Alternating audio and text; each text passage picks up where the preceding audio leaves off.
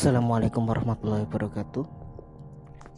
Salam sejahtera bagi kita semua. Selamat siang. Saya merekam ini di siang hari. Semoga teman-teman di mana pun teman-teman berada selalu dalam keadaan sehat walafiat. Kita sedang berada di dalam kondisi menghadapi pandemi jadi saya harap teman-teman tetap stay safe di rumah tidak ke mana-mana dan tetap jaga saudara jaga kesehatan dan kebersihan kita. Semoga wabah ini segera berakhir dan kita bisa berjumpa lagi tatap muka berdiskusi bebas seperti biasanya tidak dibatasi seperti ini. Ini sebenarnya ujian juga katanya teknologi informasi digital itu merubah bahwa tidak ada ruang dan waktu lagi di dalam komunikasi digital. Akan tapi kita sedang menghadapi masa di sini ternyata tanpa pertemuan itu tidak enak juga. Tanpa pertemuan itu kita tidak ada kontak. Tanpa pertemuan itu pun kita tidak ada interaksi. Sehingga di sini kita bisa berdiskusi banyak lagi melalui media ini diharapkan tidak mengurangi keeratan kita dalam menjaga iklim akademik agar tetap bertahan.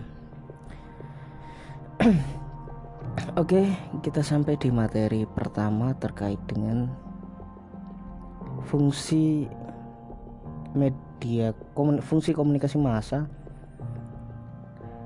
yakni fung part part 1 ini ya bagian pertama yakni fungsi informasi, edukasi, hiburan, serta kohesi sosial dan budaya. Kenapa materi ini penting? Materi ini penting adalah kita mempelajari bagaimana seharusnya media itu bekerja atau paling tidak kita mempelajari bagaimana seharusnya media itu menjadi seperti apa fungsinya dan kita tinggal melihat fenomena yang ada di masyarakat saja. Kita akan temukan seperti apa media kita. Apakah sudah sesuai fungsi atau tidak. Seperti itu. Meskipun mungkin jawabannya bisa ditebak tapi saya berharap kita pelajari juga ini karena ini penting. Termasuk juga ketika teman-teman menjadi praktisi media ingin membuat media yang sesuai dengan fungsinya. Wah ini juga penting. Nah maka dari itu fungsi yang pertama fungsi fungsi yang pertama fungsi media sebagai informasi hiburan dan uh, edukasi. Lalu fungsi sosial dan ke keeratan sosial dan budaya. Apa yang mendasari itu muncul? Saya sarankan teman-teman membaca undang-undang P3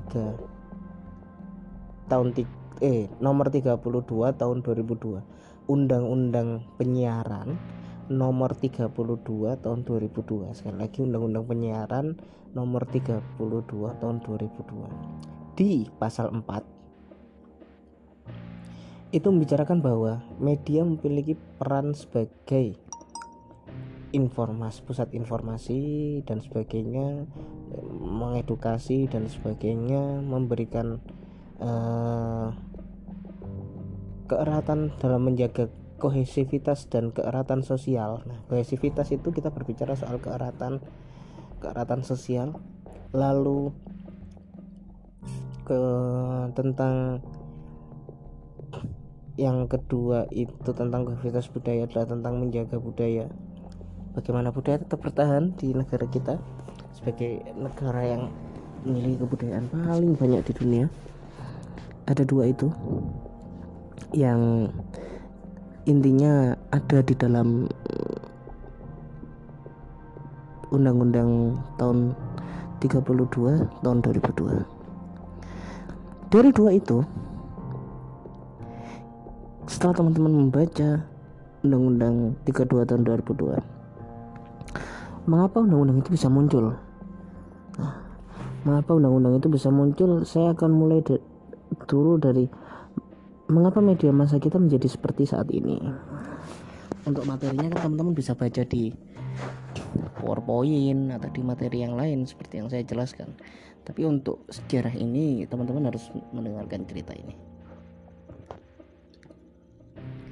Media masa kita awalnya yang berkembang hanya TVRI ini berlaku cukup lama sejak tahun berdirinya TVRI hingga tahun 98 bahkan awal-awal 99 TVRI sebagai satu-satunya lembaga penyiaran publik yang dipercaya oleh masyarakat. Bahkan harga cabai dan juga harga bawang itu dapat diumumkan di TVRI begitu luar biasanya TVRI mengontrol stabilitas negara. Maka di sini teman-teman akan melihat bahwasannya negara sangat berkuasa sekali pada saat itu. Orde Baru itu jangankan TVRI soal hubungan seksual aja diatur di BKKBN dua anak cukup. Kalau lebih jadi masalah itu. Pegawai negeri anak ketiga tidak dapat tunjangan banyak pokoknya. Problematika-problematika yang dihadapi ketika Orde Baru. Tapi negara sangat kuat sekali. Negara sangat kuat sekali di situ. Orde Baru lengser karena peristiwa reformasi. Reformasi itu berasal dari kata reform, artinya membangun kembali, membangun kembali peradaban yang seharusnya seperti Undang-Undang Dasar 1945. Namun nyatanya jadi seperti ini. Dapat kita simpulkan seperti apa? Reformasi bekerja sejak 98 sejak dijadikannya Baharudin Yusuf Habibie almarhum sebagai pengganti Presiden Soeharto pada saat itu. Lalu diadakan pemilihan pertama. Pemilu pertama dimenangkan oleh Kiai Haji Abdurrahman Wahid atau Gus Dur sebagai presiden keempat Republik Indonesia. Nah, itulah mulai munculnya demokrasi di tangan rakyat salah satunya. Nah Kemunculan demokrasi tangan rakyat itu diiringi dengan tiga lembaga radikal yang berkembang. Tiga lembaga radikal itu adalah yang pertama paling kita kenal adalah KPU, Komisi Pemilihan Umum. Ketika dulu pemilihan umum tidak diatur oleh KPU.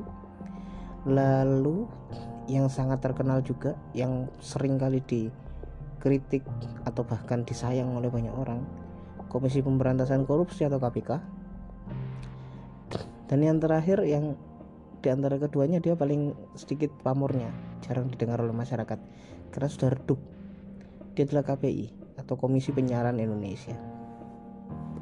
Selain juga ada KPAI Komisi Perlindungan Ibu dan Anak ketiga lembaga ini yang sebenarnya respon atas apa yang tidak bisa dilakukan di era Orde Baru.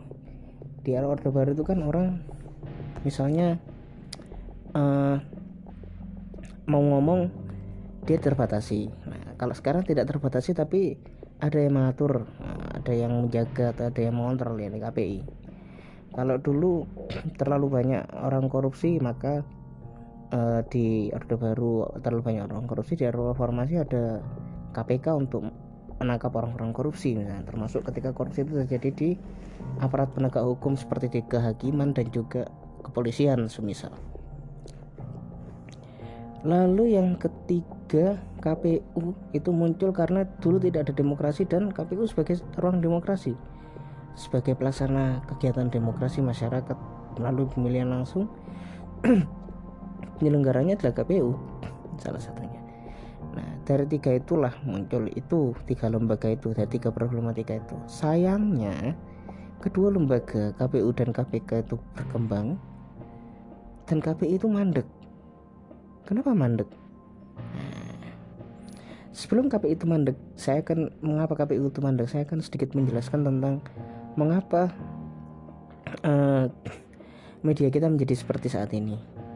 Karena dulu terlalu banyak ditekan, akhirnya media kita memutuskan untuk uh, berbicara sebebas-bebasnya. Jadi kayak keran jebol kalau istilah komunikasinya tuh keran jebol itu kan ketika terlalu tekanan di dalam terlalu besar namun karena keran itu masih ditutup atau terbuka tidak dengan bebas maka keran itu bisa jebol karena tekanan dari dalam itu. Sama menjadi di masyarakat kita seperti itu. Terlalu bebas sampai bablas jadinya. Kebablasan berpendapat bukan kebebasan berpendapat. Jadi istilah kebablasan berpendapat itu adalah istilah yang diciptakan saya dengan studi klub saya Telang Institut waktu itu waktu S1 mungkin teman-teman di sini bikin juga studi klub namanya Tidar Institut saya mungkin siap untuk menjadi penggeraknya kalau teman-teman mau. Jadi di sana nanti terjadi ketika keran itu jebol kita kembali lagi ke materi. Keran jebol itu tadi muncul. Wah itu parah sekali akhirnya orang ngomong pornografi, kekerasan dan sebagainya bebas, bahkan mengkritik negara pun sampai menghilangkan marwah negara. Nah, itu itu yang itu yang sebenarnya sangat disayangkan di situ. Bahwa segala sesuatu yang keterlaluan itu memang buruk. Terlalu uh, ditekan juga buruk, terlalu bebas juga buruk. Nah, itulah maka memang harus ada regulasi. Harusnya KPI itu punya wewenang. Nah, wewenang dikontrol lewat Undang-Undang 32 tahun 2002 ada undang-undangnya. Kalau kalau kalau kalau nyalai dia termasuk terkena hukuman pidana uh, lembaga penyiaran itu. Akan tapi kenapa KPI tidak memiliki ruang untuk menghakimi? Nah itu akan menjadi diskusi kita. Sampai saat ini KPI kan perannya tidak begitu besar. Salah satunya ya karena itu tadi. Satu fungsi entertain itu jauh lebih banyak daripada fungsi edukasi dan juga informasi. Why? Kenapa demikian karena entertain lebih menjual hiburan lebih menjual daripada dua itu. Padahal di undang-undangnya tidak seperti itu harus ketiganya disampaikan. Harus ketiganya disampaikan. Bahkan ada ketika di P3 SPS itu berapa persen berapa persen berapa persen itu ada. Lalu yang ketiga tentang kohesivitas dan juga uh, kualitas sosial dan juga budaya sekarang saya tanya, apakah ada media yang menjaga kedaulatan bangsa sekarang? Atau malah kalau ada perpecahan itu menjadi isu menarik yang diberitakan berulang-ulang agar dia mendapat rating tinggi? Saya rasa yang kedua yang banyak muncul. Teman-teman juga pasti merasakan hal itu. Maka di sini dapat kita lihat dari fungsi-fungsi media itu tadi munculnya diciptakan di undang-undang itu karena alasan di era Orde Baru tidak ada fungsi-fungsi seperti itu. Tapi di era saat ini ketika fungsi-fungsi itu dijalankan, dia terlalu bablas. Nah, KPI tidak memiliki kewenang seolah-olah tidak memiliki kewenang untuk menutup. Karena KPI tidak memiliki kewenangan untuk menghakimi tidak seperti KPK dengan pengadilan tindak pidana korupsinya. KPI tidak mempunyai pengadilan tindak pidana penyiaran. Nah maka di situ percuma. Misalnya ketika tayangan empat matanya si Tukul di band itu jadi bukan empat mata. Bukan empat mata itu di band masih dibuka ma, dirubah lagi judulnya di masih dibuka empat mata. Dan seterusnya aja cuman ganti awalnya aja. Nggak ada masalah. Sama kayak perusahaan ini ditutup bikin perusahaan lagi karena asetnya tidak direbut ya itu aja sebenarnya. Nggak jelas itu yang akan kita pelajari selama satu semester ke depan dan sangat menyedihkan sekali negara kita yang sudah mempunyai undang-undang 32 SPS 32 tahun 2002 tapi tidak bisa dijalankan dengan baik. Maka di sini ketika teman-teman belajar fungsi uh, media komunikasi massa, teman-teman akan tahu, oh idealnya uh, media itu seperti ini dan ternyata yang kita alami sudah tidak ideal atau bagaimana cara untuk membuat ideal lagi. Nah, ini menjadi salah satu kajian.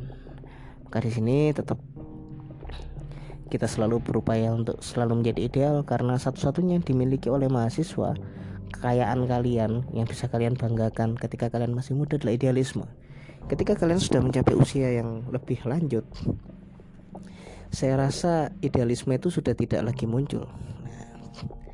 Sehingga ke depan teman-teman melalui diskusi kita ini, teman-teman akan tahu bahwasanya memang uh, yang kita alami selama beberapa waktu ini dan beberapa waktu yang akan datang adalah pertarungan pasar. Jadi teman-teman tidak perlu bingung lagi, tidak perlu uh, takut tentang apa yang akan dihadapi selama satu tahun ke depan karena ini pertarungan pasar. Nah, dia tetap berpikir soal rating lah. Dia juga industri, dia pikir jualan, pasti dia pengen laba gimana caranya mendapatkan laba? Bikin pasar yang cerdas. Nah bikin pasar yang cerdas seperti apa? Nah, itu yang akan kita pelajari nanti di mata di materi literasi media. Mungkin tidak terlalu panjang podcast saya ini.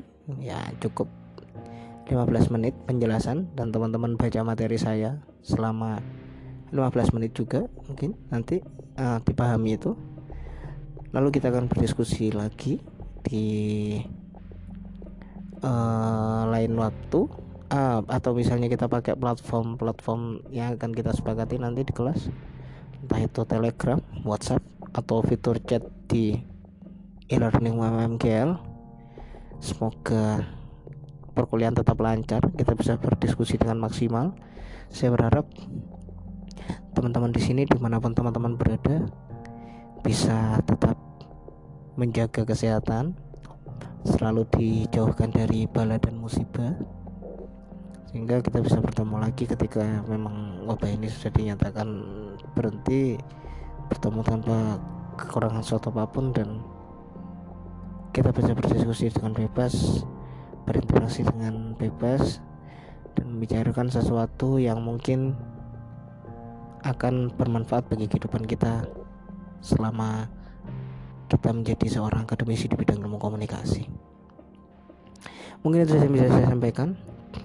Kesimpulannya adalah teman-teman harus kembali lagi pada aturan sudah dibuat Undang-Undang P3S, P3SPS dan Undang-Undang 32 tahun 2002 itu untuk melihat sejauh mana kerangka ideal dan yang harus dilakukan oleh media tapi ternyata seperti apa media kita.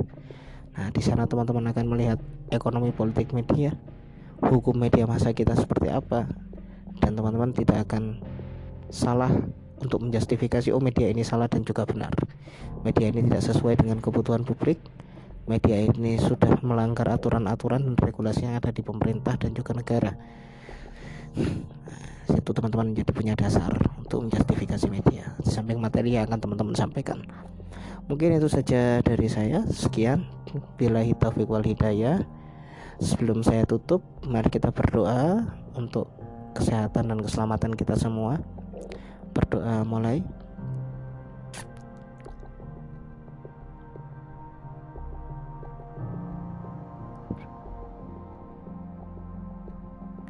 Berdoa selesai. Billahi fastabiqul haq. Bila taufiq wal hidayah. Assalamualaikum warahmatullahi wabarakatuh